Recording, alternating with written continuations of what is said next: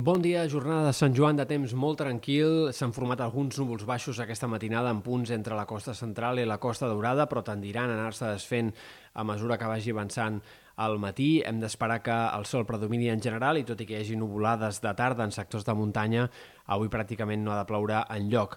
Tampoc demà hi haurà gaire activitat, tot i que les nuvolades creixeran amb més força i sobretot a última hora, de cara al vespre, a primeres hores de la nit, alguna tempesta podria arribar cap al Pirineu o Prepirineu occidentals o també als ports.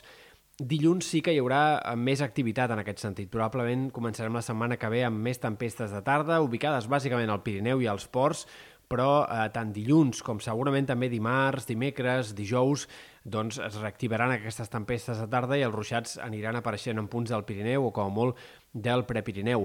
No és descartable que entre dijous i divendres pugui arribar a ploure en més comarques. De fet, alguns models de previsió hi apunten amb certa confiança aquesta possibilitat de ruixats eh, també en comarques de Girona, punts de la Catalunya central, de cara al tram final de la setmana que ve, però en tot cas això encara és incert. Hem de parlar també de la calor intensa, perquè aquest cap de setmana hi haurà les temperatures més altes d'aquest any fins ara. Avui farà més calor que ahir i demà més que avui. Màximes que aquest diumenge es superaran amb facilitat els 35 graus en comarques interiors i fregaran fins i tot els 40 en alguns sectors de Ponent i de la Vall de l'Ebre. Per tant, atents a aquest primer pic de calor que fins i tot ha portat el Meteocat a activar un avís per calor forta al Pla de Lleida de cara a aquest diumenge.